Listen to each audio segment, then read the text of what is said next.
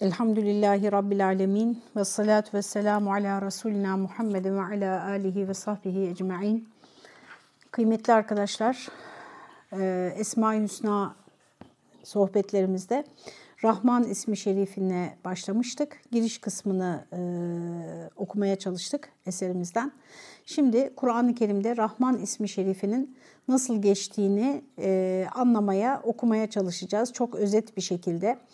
E, Esma-i Hüsna içerisinde bir tercihte bulunma yani şu ismi daha çok seviyorum ya da şu isim daha önemli gibi bir e, tercihte bulunma yetkimiz yok. E, şahsen ben böyle düşünüyorum fakat Rabbimiz özellikle e, Besmele için Rahman ve Rahim isimlerini seçtiğinden dolayı bizim için en kıymetli isim olarak görebiliriz Rahman ismi şerifini arkadaşlar. Aynı zamanda çok büyük bir nimet, çok büyük bir lütuf.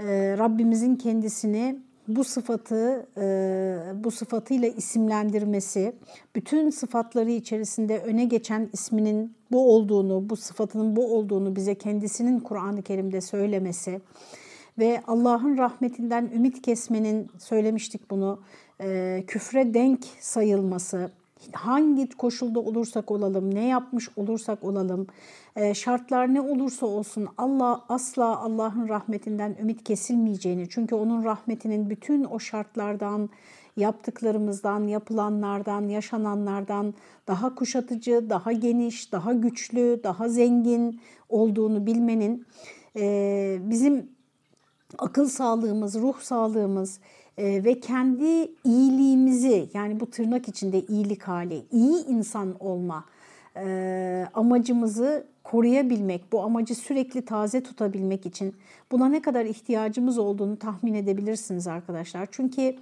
e, iyilik en azından hemen karşılık gören bir şey değil. Yani bazıları dünyada yaptığımız iyiliklerin karşılığının karşılığını almanın yerinin burası olmadığını söylerler ama ee, işte son günlerde üzerinde biraz daha çok durduğumuz Yusuf kıssası da bize e, iyilerin er veya geç kazanacağını söylüyor. Fakat işte o kazanma süreci yıllar sürebilir.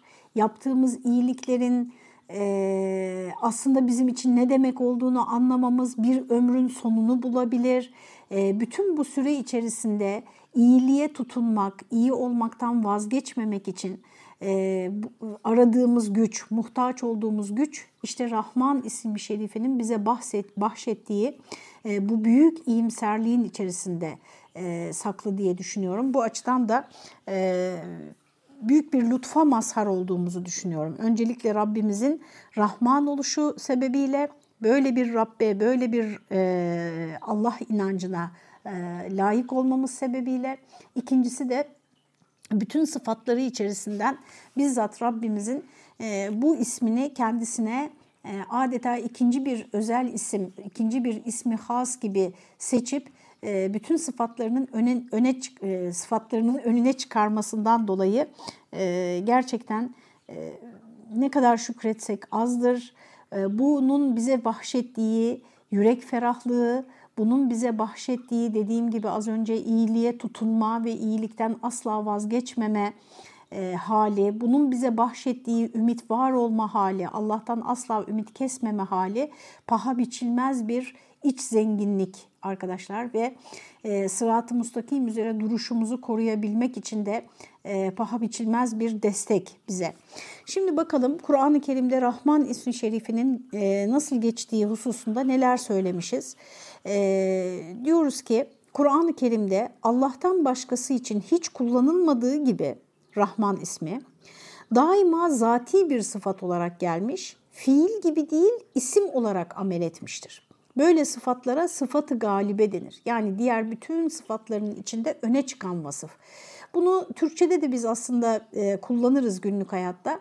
Mesela bir sınıfta oturmuş öğrencilerseniz ve e, hocanın derse gelmesini bekliyorsanız ve o da belli bir hocaysa herkes biliyorsa hangi hoca olduğunu hoca geldi dediğinde birisi artık onun özel isminin zikredilmesine ihtiyaç duyulmaz. Hepimiz biliyoruz orada hocanın kim olduğunu veya işte doktor belli bir doktora gidiyorsak devamlı, bizim belli bir doktorumuz varsa, e, doktor aradı dediğinde birisi artık hangi doktor diye sormayız çünkü biliyoruz o doktoru. Yani bazen e, bazı kişilerin sıfatları onların isimleri gibi e, onlarda hakimdir, galiptir. İnsanlar onu o sıfatla bilirler. E, Rabbimiz de kendisine işte az önce söylediğim gibi anlatmaktan çok çok aciz e, kalmak koşuluyla az önce söylediğim gibi arkadaşlar bütün isimleri içerisinden kendisine Rahman ismi şerifini seçmiştir. Ben e, bazen böyle sohbetlerde, e, günlük e, hayattaki sohbetlerde veya e, vaaz nasihat kabilinden yaptığımız sohbetlerde veya küçük ders gruplarında bazen arkadaşlara böyle küçük sorular sorarım arkadaşlar ve insanların ciddi bir kısmının yani azımsanmayacak bir kısmının Cenab-ı Hakk'a hep olduğundan daha sert, onun bize kendisini veya sadece o celal sıfatlarıyla işte affetmeyen, müsamaha göstermeyen, e, böyle katı katı bütün o bizden istediklerine e, uymamı, uymamızı bekleyen yani şart bunu şart olarak gören affetmek için e, en ufak bir kusurda efendim kullarını e, cezalandıran, mutlaka cezalandıran e, bir ilah olarak tasavvur ettiklerini, böyle tarif ettiklerini görüyorum. Mesela dün bir e, grupta şeyi sordum. Dedim ki sizce Yusuf kıssasını konuşuyorduk. Sizce dedim Cenab-ı Hak işte Yusuf'un kardeşleri için olsun veya başka e, bu kıssadaki diğer e, şahıslar hani hata yapan şahıslar e, için e, efendim veya bizim kendi hayatımızda işte içinde bulunduğu çevre koşulları nedeniyle bazı yanlışlara daha kolay düşen kişiler için e, olsun hafifletici nedenleri dikkate alacak mıdır dedim. Yani Allah Teala onları yargılarken, onların kıyamet gününde nereye gideceklerini, akıbetlerinin ne olacağını belirlerken hafifletici nedenlere bakacak mıdır dedim. Arkadaşlar ciddi sayıda bakmayacaktır diyen e, arkadaşımız çıktı.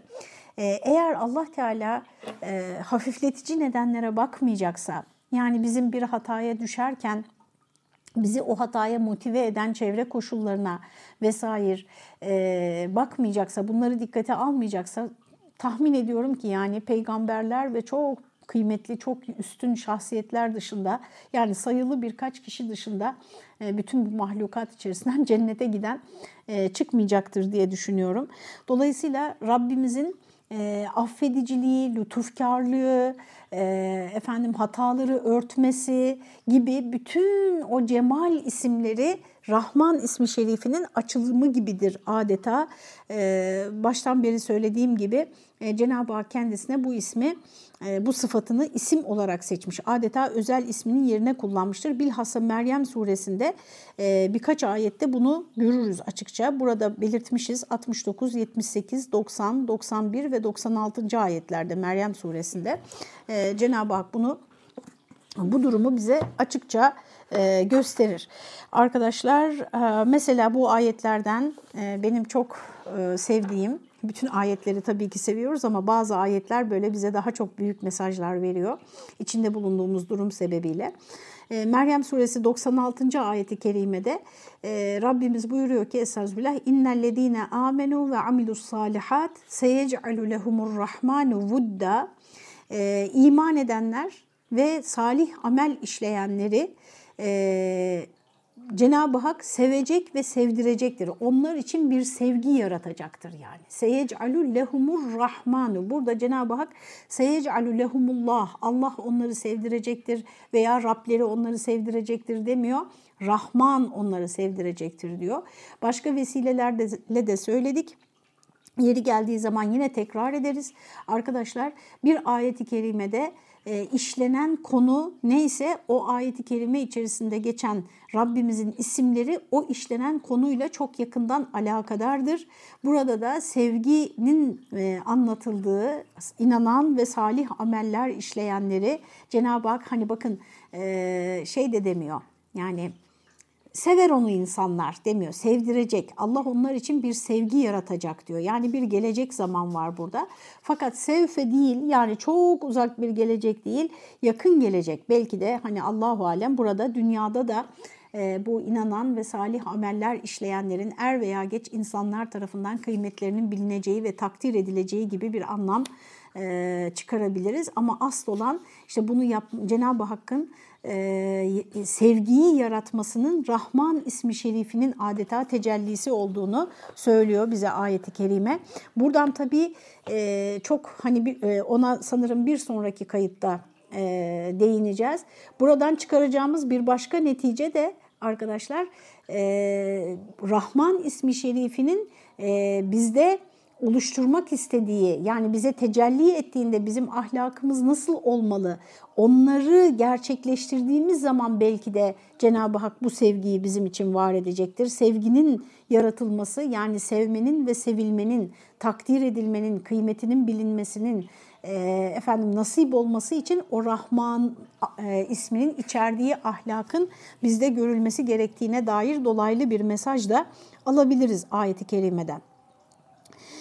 Efendim e, bu durum yani bu sıfatların sıfatı galibe olması e, o sıfatın o zat için özel ismi yerine kullanılabilecek kadar galebe oluşturduğunu gösterir. E, yani işte diyelim ki bir okuldasınız veya bir üniversitede e, böyle hocaların da hocası olan biri var. Artık hani hoca denince o anlaşılıyor, o kişi anlaşılıyor. Aslında orada yüzlerce hoca var ama Hoca dendiğinde o kişi anlaşılıyor. Böyle isimler vardır. Şu anda benim de aklımda böyle birkaç tanesi ama e, haddimizi aşmayalım, e, isim zikretmeyelim. Efendim e, bunun gibi artık o e, hoca oluşu onun özel ismi gibi olmuştur. Ayrıca tarife gerekmeden hoca böyle istedi, hoca böyle söylüyor dediğimiz zaman veya işte başka sıfatlar insanlar için özel isim yerine geçer. Günlük dilde de bunun örneğini böyle gösterebiliriz. Kur'an-ı Kerim'de Rahman isminin yer yer Allah ismi yerinde kullanılması da bunu gösterir demişiz ve İsra suresinden, Meryem suresinden, Furkan suresinden, Taha suresinden, Rahat suresinden ayet-i kerimelerle bunu e, örneklendirmişiz. Bu nedenle Rahman isminin hiçbir mahluka nispet edilemeyeceği konusunda alimler arasında ittifak vardır. Bu önemli arkadaşlar çünkü e, eğer Cenab-ı Hakk'ın isimlerinden birisi hiçbir şekilde kullardan birine yani mecazen de olsa e, kullar için kullanılamazsa o zaman o isim o kişi için isim olarak da kullanılamaz demektir. Ne demek istiyoruz? Birisine Rahman ismi verilemez. Mesela bakın Rauf ismi veriliyor. Aziz ismi veriliyor değil mi? Yani Cenab-ı Hakk'ın isimlerinden aslında başına Abd kelimesinin getirilmesi ve Abdurrauf, Abdülaziz gibi yani Rauf'un kulu, Aziz'in kulu gibi kullanılması daha edebe uygunken ama Rauf sıfatı, aziz sıfatı insanlarda da bulunabileceği için e, efendim onların kullanılmasına e, müsamaha gösterilmiş ve kullanılmış yaygın olarak. Fakat Rahman ismi hiçbir zaman bir insan için kullanılamaz. Tek bir e, seçeneği var bunu kullanmanın Abdurrahman şeklinde olabilir. Rahmet Allah'ın asli sıfatlarından biri olduğu gibi o son peygamberini de alemlere rahmet olmak üzere göndermiştir. Yani şimdi bu paragrafta rahmet sıfatının e, Cenab-ı Hakk'ın e, kimlere verdiğini hangi varlıklara verdiğini, hangi varlıkları rahmetiyle nitelendirdiğini, onları rahmet olarak nitelendirdiğini göreceğiz. Bunun başında Efendimiz sallallahu aleyhi ve sellem geliyor. Enbiya suresi 107. ayet. Ve ona indirilen kitabı yani Kur'an-ı Kerim'i de rahmetle nitelendirilmiştir. Rahmet olarak nitelendirmiştir Rabbimiz. E, bu da özellikle e, böyle Kur'an'a karşı sıkıntılı bir duruşu olan, Kur'an'ın insanları işte sıktığını, zorluk çıkardığını, insanı yokuşa sürdüğünü düşünen insanların tekrar üzerinde düşünmeleri gereken bir husus bu. Arkadaşlar bazı kardeşlerimiz işte dediğim gibi böyle dini hep E, kendilerine öyle anlatıldığı için elbette. Yani bu e, onların kabahati değil. Dini anlatanlar böyle yo böyle de olmaz, şöyle de olmaz, şunu da yaptın olmadı. İşte bu da yeterli değil, şu da yeterli değil. Daha şunları şunları şunları da yapman lazım e, diye böyle hep eksik hissettirilerek anlatıldığı için din hep kusurlu hissettir, hissettirilerek Allah'a karşı hep kusurlu hissettirilerek bir ilişki tesis edildiği için böyle bir eğitim metodu tercih tercih edildiği için ister istemez zihinlerimiz de öyle şekillenmiş oluyor. Halbuki Cenab-ı Hak peygamberini de ona indirdiği kitabı da insanlık için bir rahmet olarak nitelendiriyor. Arkadaşlar e, yine Taha suresinde hemen başında ma enzelna aleykel Kur'ane li teşqa biz bu Kur'an'ı sana meşakkat olsun diye indirmedik diyor. Halbuki yani burada meşakkatin, rahmetin, bizim hayatımızdaki karşılıklarının da ne demek olduğunu e, düşünmemiz gerekiyor aslında. Bir kavram e, nasıl diyeyim kavramların tam yerli yerine oturmaması meselesi var burada aslında. Mesela meşakkatli bir hayat dediğimiz zaman biz ne anlıyoruz? İnsan, yani bazılarına bakarsanız beş vakit namaz kılmak bir meşakkat. Efendim Ramazan ayında oruç tutmak hele yaz mevsimine geldiğinde bir meşakkat. İşte kimine göre parasının zekatını vermesi bir meşakkat. Çok zorlanıyor değil mi? Gıybet etmemek ya gıybet etmeyelim diyoruz bu meşakkat. Te tesettür hepten bugün artık meşakkat olarak görülüyor ve açıkça bunu insanlar ifade ediyor. Halbuki Cenab-ı Hak diyor ki ben diyor bu Kur'an'ı bu kitabı size sana meşakkat olsun diye indirmedim. E ama Peygamber Efendimizin hayatına bakıyoruz arkadaşlar. Dürüst konuşalım yani şimdi anlamaya çalışıyoruz. Peygamber Efendimiz sallallahu aleyhi ve sellemin hayatına bakalım. Peygamberlikten önceki hayatıyla peygamberlikten sonraki hayata hangisi baktığımız zaman yani dışarıdan bakan birine dünya bugün, bugünkü kafayla yani baktığımızda efendim hangi kısım daha meşakkatli görünüyor? Yani 40 yaşına kadar olan hayatımı, 40 yaşından sonra olan hayatımı. Çünkü biz meşakkat dediğimizde arkadaşlar sıkıntı çekmeyi, zorlanmayı, uğraşmayı e, anlıyoruz. Ve bu, bu meşakkatlerden ne kadar uzak kalırsak bunun kendimiz için o kadar e, nimet, o kadar lütuf olduğunu düşünüyoruz. Yani böyle dört başı mamur bir hayat, böyle keyif içinde, konfor içinde. Halbuki arkadaşlar bugün bunu pedagoglar, psikologlar da altını çize çize söylüyorlar. Kaç tane böyle uluslararası çapta insanların bunu kuvvetle ifade ettiğine şahit oldum arkadaşlar meşakkatsiz bir hayat yani hiçbir zorlanmadan geçmeyen mesela hiç canı sıkılmadan büyüyen bir çocuk arkadaşlar bu onun lehine değil e, hiç zorlanmadan büyümesi bir çocuğun o çocuk için lütuf değil. Tam tersine canının sıkılması gerekiyor. Biraz makul miktarda zorlanması gerekiyor. Makul miktarda başarısızlık yaşaması gerekiyor. E, insanın ki efendim onunla e, tekerleğini, hayat tekerleğini döndürebilsin, ileriye gitmek için gereken gücü ve enerjiyi hep canlı tutabilsin arkadaşlar. Yani konfor içinde yiyelim, içelim, gezelim, eğlenelim, her istediğimizi kolaylıkla alalım. Bu çok da insana e, rahmet içeren tırnak içerisinde bir hayat değil arkadaşlar. Biz e, Cenab-ı Peygamber'in de yani peygamberimizin sünneti deyince mesela sünnette o kadar hani teferruat var ki hayatımıza uyarlamamız gereken. Yani peygamber nasıl bizim için rahmet? Şimdi peygamber olmasa, peygamberin sünneti olmasa haşa. Efendim Kur'an-ı Kerim'e kendimi uymak zorunda hissetmesem haşa. Oh ne güzel yani. İstediğim saatte yatarım, istediğim daha keyifli bir hayat yani. Öyle diyor insanlar. Yani öyle düşünüyorlar. Dolayısıyla bu meşakkat ve rahmet konusunda bizim bakışımızı biraz değiştirmemiz gerekiyor. Yani kendini sıkmadan ben e, gençlere özellikle söylüyorum arkadaşlar bana söyleyin kendini sıkmadan, disipline etmeden, bazı şeylerden vazgeçmeden, konfor alanının dışına çıkmadan, kendini zorlamadan, hayatta herhangi bir konuda, bir spor dalında, bir müzik e, konusunda, dans konusunda yani sizin insan nefsine en eğlenceli gelen konularda dahi taş taş üstüne koyabilir mi bir insan? Kendini ileriye götürebilir mi? İşte uykusuz kalmadan makul miktarda endişe, makul miktarda stres hatta. Yani tamamen stressiz bir hayatta insan için çok ideal bir hayat değil. Dolayısıyla Kur'an-ı yani Cenab-ı Hak bize arkadaşlar kendi peygamberinin bir rahmet olduğunu, kitabının bir rahmet olduğunu açıkça ifade ediyor. Enbiya suresi 107'de peygamberin rahmet olduğu bildiriliyor. Kur'an'ın rahmet oluşuyla ilgili seçtiğimiz birkaç ayet Yunus suresi 57, İsra suresi 82, Nemil suresi 76-77, Kasas suresi 86, Lokman suresi 3. ayet ve Casiye suresi 20. ayet. Yüzlerce ayette de insanlığa lütfedilen maddi manevi nimetler hep rahmet kavramıyla ifade ediliyor. Mesela aile hayatının huzuru da yani aile içerisinde evlerimizdeki huzur ve sekinet de sevgi ve merhamet duygularına bağlanıyor. Rum suresinin 21. ayetinde. Yani insanlar arası ilişkilerde de rahmetin tecellisi olan merhamet, şimdi birazdan rahmetle merhamet arasındaki farka da temas edeceğiz.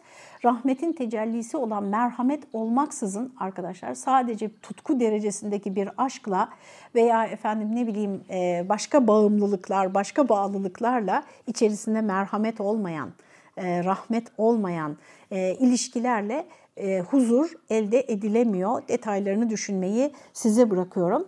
E, rahmetle merhamet arasındaki farka e, her zaman dikkat etmeliyiz. Alimlerimiz bilhassa buna dikkat etmişler. Rahmeti e, Cenab-ı Hak için kullanılmışlar, kullanmışlar. Merhameti insanlar için kullanmışlar. Rahmet insanlara mahsus olan merhametle karıştırılmamalıdır. Onun merhameti yani Cenab-ı Hakk'ın merhameti nicelik açısından sonsuz. Yani ne kadar merhameti var Rabbimizin sonsuz. Nitelik açısından yani kalite açısından ise arkadaşlar merhametin düşünülebilen tüm çeşitlerinden üstün. Yani insanların göstereceği, gösterebileceği, insanların birbirine gösterebileceği merhametten hem kapsam olarak hem nitelik olarak e, kıyaslanamayacak kadar üstündür Allah'ın rahmeti. Dolayısıyla lisanımızda rahmeti ilahi merhameti de beşeri anlamda kullanmamız bu ikisi arasındaki farkı güzelce ortaya koyar. İsfahani'ye göre biliyorsunuz Ragıp el İsfahani Kur'an terminolojisi üzerine e, muhallet bir e, eseri var. Müfredat isimli eseri. E, ondan müstani olan neredeyse hiçbir müfessir yoktur. E, Kur'an'ı anlamaya çalıştığımızda başvurmamız gereken temel kaynaklardan bir tanesidir. İsfahani'ye göre rahmet Allah'a nispet edildiğinde merhametin ürünü olan lütufta bulunma manasında alınmalıdır. Şimdi bakın yavaş yavaş tecelliler kısmına doğru yaklaşıyoruz. Yani e, sırf acıma değildir Cenab-ı Hakk'ın rahmeti. Birine böyle merhamet duyma değildir. Onun gereğini yapmadır. E, tekrar edelim. İsfahani'ye göre rahmet Allah'a nispet edildiği zaman merhametin ürünü yani birine merhamet duyuyorsak ne yapmamız gerekir? Lütufta bulunmamız gerekir. O, o manada alınmalıdır. Zaten lütuf ve ihsanı barındırmayan bir rahmet düşünülemez. Yani Cenab-ı Hakk'ın rahmeti demek arkadaşlar içerisinde lütuf ve ihsanların barınması demektir. Cenab-ı Hak böyle bize yukarıdan haşa işte mekan izafe etmiyoruz tabii de ötelerden bize bakıyor. Böyle bizim iç, biz böyle çırpınıyoruz dünyada. İşte o da bize çok acıyor, bizi çok seviyor ama hani bir lütufta bulunmuyor. Böyle düşünülemez Cenab-ı Hak için. Yani böyle düşündüğümüzde bu Allah'ın e, inkar etmekle aynı şeydir arkadaşlar. Peki işte kendi hayatımıza baktığımız zaman yani ben çırpınıyorum işte bir takım insanlar var yaşanan bir takım olaylar var benim de beni de düşündüren olaylar e, oluyor zaman zaman yani içinden çıkmakta zorlandığım yorumlamakta zorlandığım Allah'ın rahmetiyle bağdaştıramadığım yani bazı hadiseler oluyor. Peki oralarda da mı lütuf var? Arkadaşlar evet oralarda da lütuf var. Cenab-ı Hakk'ın rahmetini içermeyen ee, daha doğrusu rahmetine mazhar olmayan hiçbir varlık yoktur bu dünyada. Ha bazen kabz dönemlerinden geçeriz, bazen bast dönemlerinden geçeriz. Ee, Cenab-ı Hak bizi bazen sıkar, o sıkması da bizim için bir rahmettir. Onu doğru kullandığımız zaman Hazreti Yusuf'un kuyuya atılmasını, zindana atılmasını düşünün ve o ortamlarda yani ee, özellikle zindan hayatı beni çok etkiler, zindan bölümü. Çünkü hani kuyuya atıldığında bir çocuktu ee, ve hani kendi seçimlerinin sonucu değil. Ee, ağırlıklı olarak kuyuya atılmış olması. Fakat zindana atıldığında yani artık başına gelenleri bir düşünün. Yani kardeşlerinin ihanetine uğramış, ailesini kaybetmiş, işte bir köle köle haline getirilmiş hemen o onu bulan kervancılar köleleştirmişler, efendim satmışlar birisine.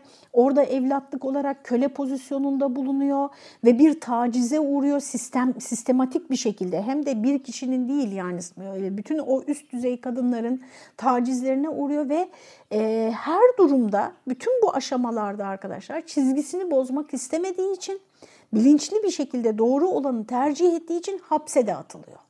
Ve hapiste bir kurtulma ümidi var çıkıyor işte birisinin rüyasını tabir ediyor ve diyor ki sen kurtulacaksın kralın meclisinde e, garsonluk yapacaksın servis yapacaksın ben, beni krala hatırlat çünkü ben burada unutuldum diyor. Kimsesi yok ki arkasında davasını kovalasın arkadaşlar. Hiç o durumda da Allah'ın rahmetinden ümidini kesiyor mu? Yani bunlar benim başıma niye geliyor? Ben bunları hak edecek ne yaptım? Neden her şey beni buluyor? Hiç böyle bir sitem, böyle bir e, efendim rahatsızlık duyuyor muyuz Hazreti Yusuf'un konuşmalarında? Tam tersine arkadaşlar benim görebildiğim yani Yusuf suresinde e, Hazreti Yusuf'un tebliğinin en etkin olduğu yer hapis hayatı.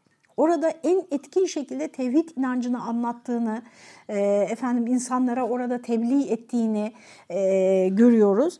Yani demek istiyorum ki arkadaşlar Cenab-ı Hakk'ın lütfunu içermeyen, rahmetini, merhametini içermeyen, buna mazhar olmayan hiçbir hadise yoktur hayatımızda. Bizim e, o olayı neresinden tuttuğumuza ve o olaya nasıl bir tepki verdiğimize göre değişir. Bir başka bölüm Cenab-ı Hakk'ın rahmetinin e, asla efendim nasıl diyeyim yeryüzünden çekilmediğini, bizim başımıza gelen bir takım nahoş hadiselerde bile aslında bir rahmet olduğunu e, uzun süre sonra veya belki de yevmi mahşerde anlayacağımızı bize anlatan bir başka bölüm de e, Musa ve Hızır kıssası diye bildiğimiz o Kehf suresindeki bölümdür. Orayı da bu açıdan müzakere etmenizi tekrar böyle üzerinde düşünerek e, tefekkür etmenizi tavsiye ederim.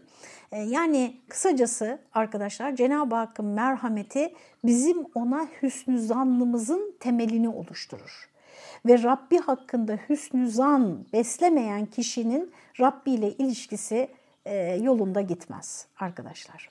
Onun için e, Allah'tan gelen şeyler ona meşakkat gibi gözükmeye başlar, isyanlar başlar, e, çizginin dışına çıkmalar başlar. E, bu hepimiz için söz konusu büyük bir tehlike.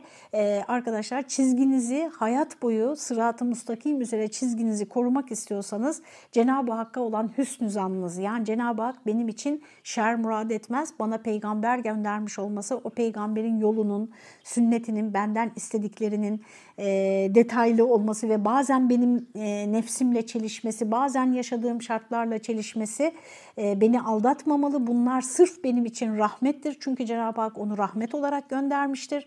Allah'ın kitabı benim için rahmet vesilesidir. Hakkı, batılı, doğruyu, yanlışı, hayrı, şerri deneme yanılmaya gerek kalmadan bana en baştan gösterir. Efendim ve bilhassa da ahiret inancı bunun için. Yani bu e, dine karşı Allah'a onun peygamberine, kitabına karşı olumlu düşünmeyi yani rahmetin tecellisi olarak görmeyi bunları muhafaza edebilmek istiyorsak ahiret inancının da çok canlı bir şekilde zihnimizde her gün yani dipdiri e, durması gerekir. Çünkü bazı şeyler var ki biz onların nasıl olup da bizim için hayırlı olduğunu ancak kıyamet gününde anlayacağız. Ve hatta acizane kanaatim içinde yüzdüğümüz nimetlerin nimet olduğunu bile biz unutmuşuz. Çünkü sadece eksiklere odaklandığımız için sürekli bir şikayet e, psikolojisiyle yaşadığımız için e, o nimetler bize tek tek hatırlatıldığında vay canına ben ne çok nimete mazhar olmuşum Allah'ın rahmeti nasıl da sınırsızmış benim için diyeceğiz ama keşke bunu iş işten geçmeden kavrayabilsek. Yani arkadaşlar içinde lütuf ve ihsan barındırmayan bir rahmet düşünülemeyeceğine göre Cenab-ı Hakk'ın rahmeti demek, Rahman oluşu demek, lütufkar oluşu demektir. Hem de hadsiz, hesapsız lütuflarla bize lütuflarda bulunması demektir. Acımanın gereğini yerine getirmemek, yani birine merhamet ediyorsun ama o merhametin gereğini yerine getirmiyorsun. Merhamet edilen kişi açısından ona hiç merhamet etmemekle aynı sonucu verir. Yani e, Allah korusun yani bu çok e, büyük şehirde rastlanan bir olay. Diyelim arabayla yolda bir e, kediye çarptınız veya çarp birisi çarpmış orada bırakmış ay zavallı kedi falan diyorsunuz ama çekip gidiyorsunuz. Bu sizin acıdığınız anlamına gelmez. Yani birinin merhamet etmesi demek arkadaşlar o merhametin gereğini yerine getirmesi demektir. Allah'ın Rahman oluşu demek, Rabbimizin Rahman oluşu demek de hepimize, bütün mahlukatına o Rahman oluşun gereğiyle muamele etmesi demektir. Allah'a nispet edilen nihayetsiz merhamet ile dünyada vaki olan hastalık, zulüm, fakirlik gibi sıkıntıların nasıl bağdaştırılacağı konusu tartışılmıştır. Şer problemi arkadaşlar. Bu problem insan açısından sevilmeyen, şer diye nitelendirilen bazı şeylerin içinde bir hayrın bulunduğu. Bu da Bakara suresi 216. ayet. Bu çok bilirsiniz bunu. İşte sizin şer sandığınızda hayır, hayır sandığınızda şer vardır diye. Şerrin yani insana şer gibi gelen o kötülüğün bütünüyle yok edilmesi halinde onun içerdiği ve uzun vadede insanın lehine olacak hayrın da ortadan kalkacağı şeklinde cevaplanmıştır. Yani hayırla şer bazen iç içe geçmiştir. Arkadaşlar şerrin içinde bizim için netice itibariyle hayırlı olan bir takım unsurlar bulunmaktadır. Eğer Cenab-ı Hak hayatımızdaki bütün şerleri kaldırırsa yani mesela e, nefsinizi tutmadan istediğiniz kadar yiyorsunuz diyelim. O sizin için bir lütuf değil bir şerre dönüşüyor. Yani e, halbuki en baştan kendinizi tutmanız aslında bir acıklı bir e, çile gibi görünse de sizin için netice itibarıyla hayırlı oluyor. Diyelim zor bir anne babanız var. Bu sizi daha duyarlı, daha hassas, efendim daha kendi kendine yeterli vesaire. Herkeste farklı tecellileri oluyor. Tabii olumsuz tecellileri de, olumsuz sonuçları da olabilir bunların. Bu biraz da büyük ölçüde burası biraz canınızı acıtabilir bu söyleyeceğim ama bizim hangi yolu seçtiğimizle alakalı arkadaşlar. Yani karşılaştığımız güçlüğün bizi yıkmasını, ezmesini, bizi böyle yere yapıştırmasını, bizi hayatımız boyunca e, devamlı şikayet eden, devamlı mutsuz hale getirmesini de tercih edebiliriz. Bizi güçlendirmesini, bizi zenginleştirmesini, bizi tecrübeli kılmasını, bizim aklımızı, fikrimizi, e, olaylara bakışımızı, detaylandırıp böyle güçlendirmesini de tercih edebiliriz. Biraz hangi yolu seçtiğimizle alakalı. Şu kadarını söyleyeyim Yusuf kıssasında da çok barizdir bu. Arkadaşlar iyi olmak için şartların iyi olmasını beklememeliyiz. En olumsuz şartlarda dahi iyi olanı, doğru olanı, güzel olanı seçmektir bize düşen. O zaman göreceğiz o olumsuz dediğimiz şartlar bizim için nasıl lehimize sonuçlar yaratıyor. Allah Teala merhametlilerin en merhametlisidir. Mü'minun suresi 109 ve 118. ayet Erhamur Rahimin yani bütün merhametlilerin en merhametlisidir. Fakat onun tasarruflarının bütün sırlarına vakıf olmak da mümkün değildir demişiz. Keşke buraya bu dünyada vakıf olmak mümkün değildir deseydik. Acizane kanaatim arkadaşlar yevmi mahşerde biz bütün bu yaşadıklarımızın aslında niçin yaşadığımız yani hikmetin tamamını orada e, göreceğimizi düşünüyorum. Ve Cenab-ı Hakk'ın e, rahmetinin eseri olarak işte başımıza neler neler gelmiş ama onların bizim için nasıl bir rahmet olduğunu da orada göreceğimizi düşünüyorum. Hastalıklar böyle, bazı kayıplar böyle, hayatın zorlukları böyle. Yeter ki biz Allah'ın rahmetinden ümit kesmeyelim.